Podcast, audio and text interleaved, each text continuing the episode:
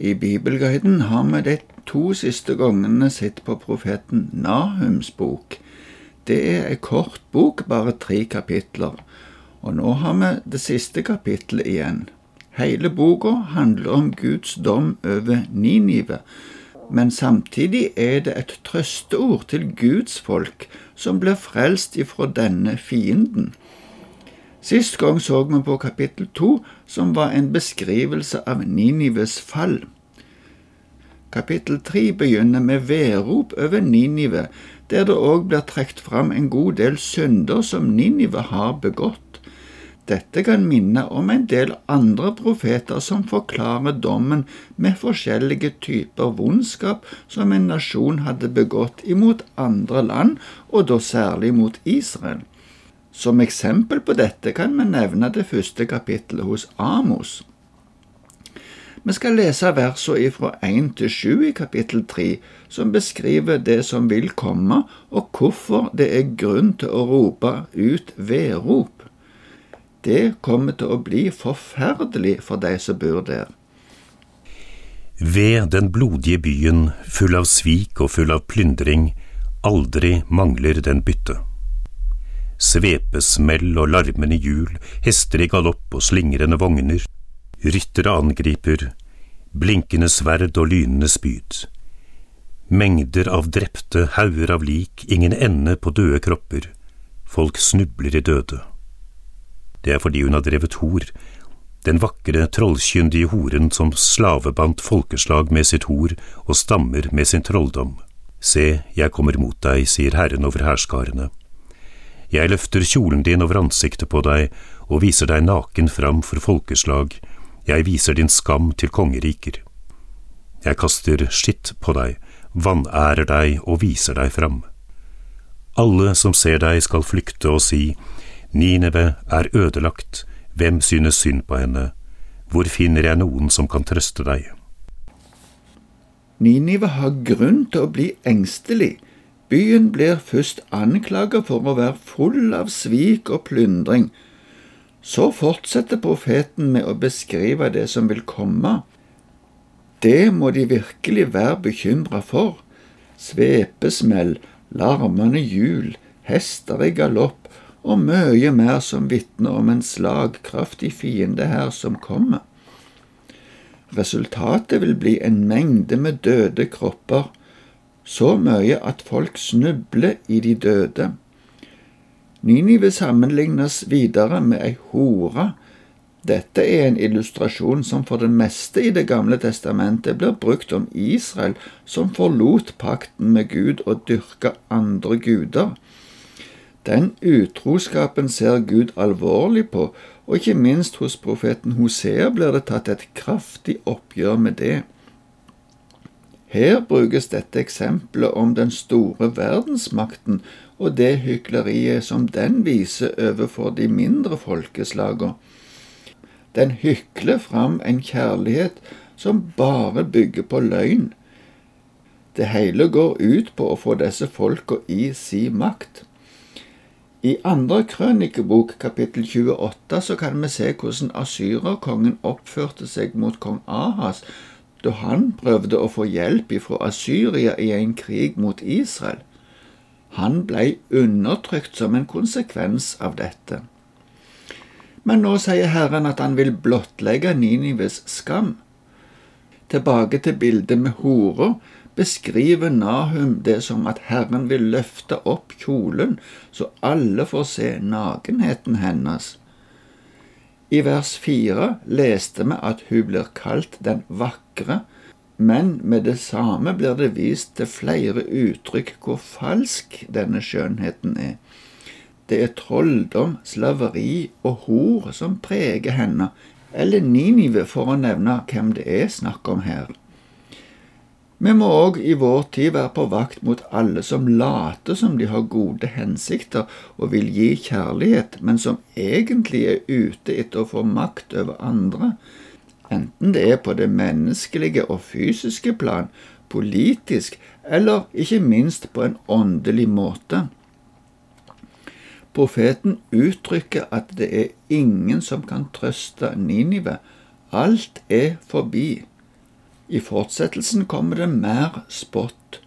Først blir Ninive sammenlignet med Teben eller Noamon.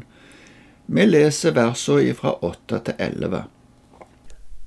Er du bedre enn Noamon som lå ved Nilen med vann omkring, med havet som vold og vannet som mur?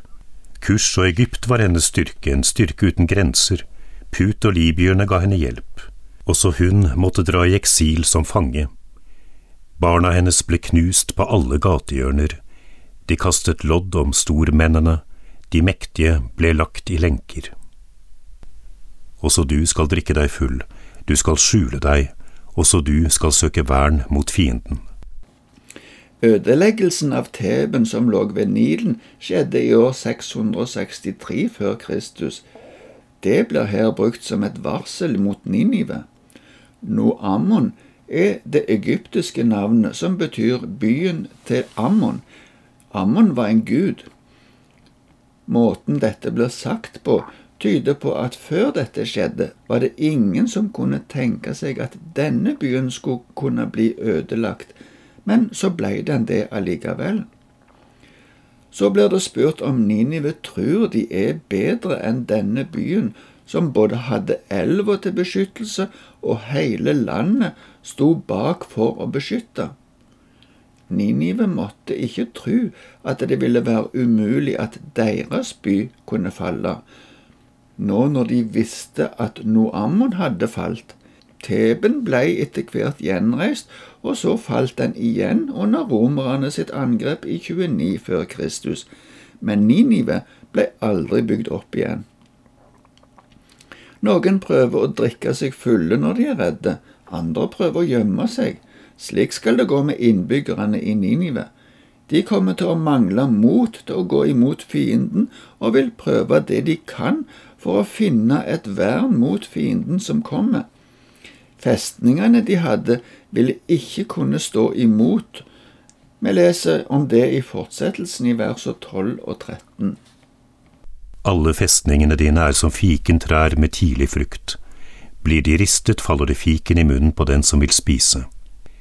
Se, krigsfolket hos deg er som kvinner. Portene til landet skal stå vidåpne for fienden. Ild skal fortære bommene dine.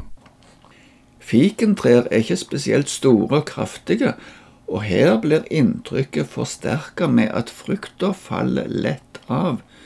Slik er det med festningsverka til Ninive. Det er ikke hold i de. Portene og bommene er ikke noe hinder for fienden. Det som er kjent ifra historien, tyder på at den siste kongen brant seg sjøl inne med alle sine kvinner og rikdommer. Vi leser resten av kapittelet fra vers 14 til 19.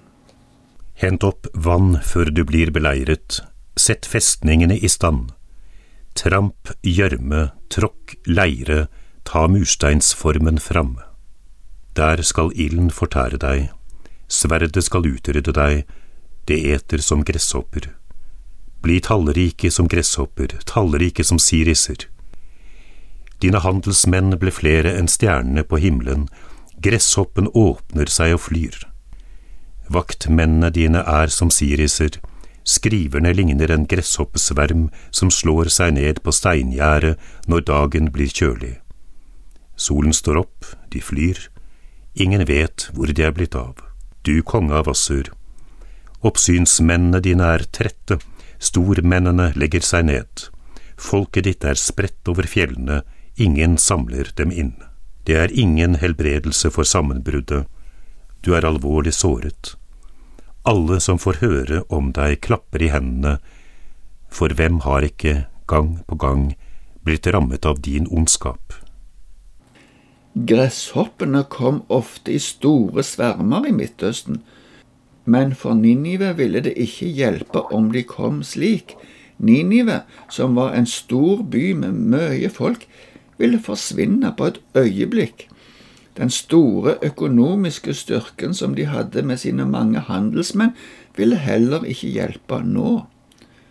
Nahum sammenligner ødeleggelsen av Ninive med insektene som forsvinner når sola står opp. Kanskje vi kan bruke Nahums bok som en eksempelprofeti om den siste store dommen. Det er ingenting som kan stå imot den dommen som Gud vil sende. Men enda en gang vil jeg trekke fram vers sju i det første kapittelet.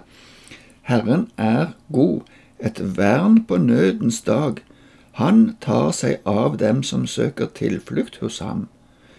Derfor er det viktig for oss å komme til Herren før Han dømmer, søke ly hos Han, for det er Han som kan frelse oss ifra dommen.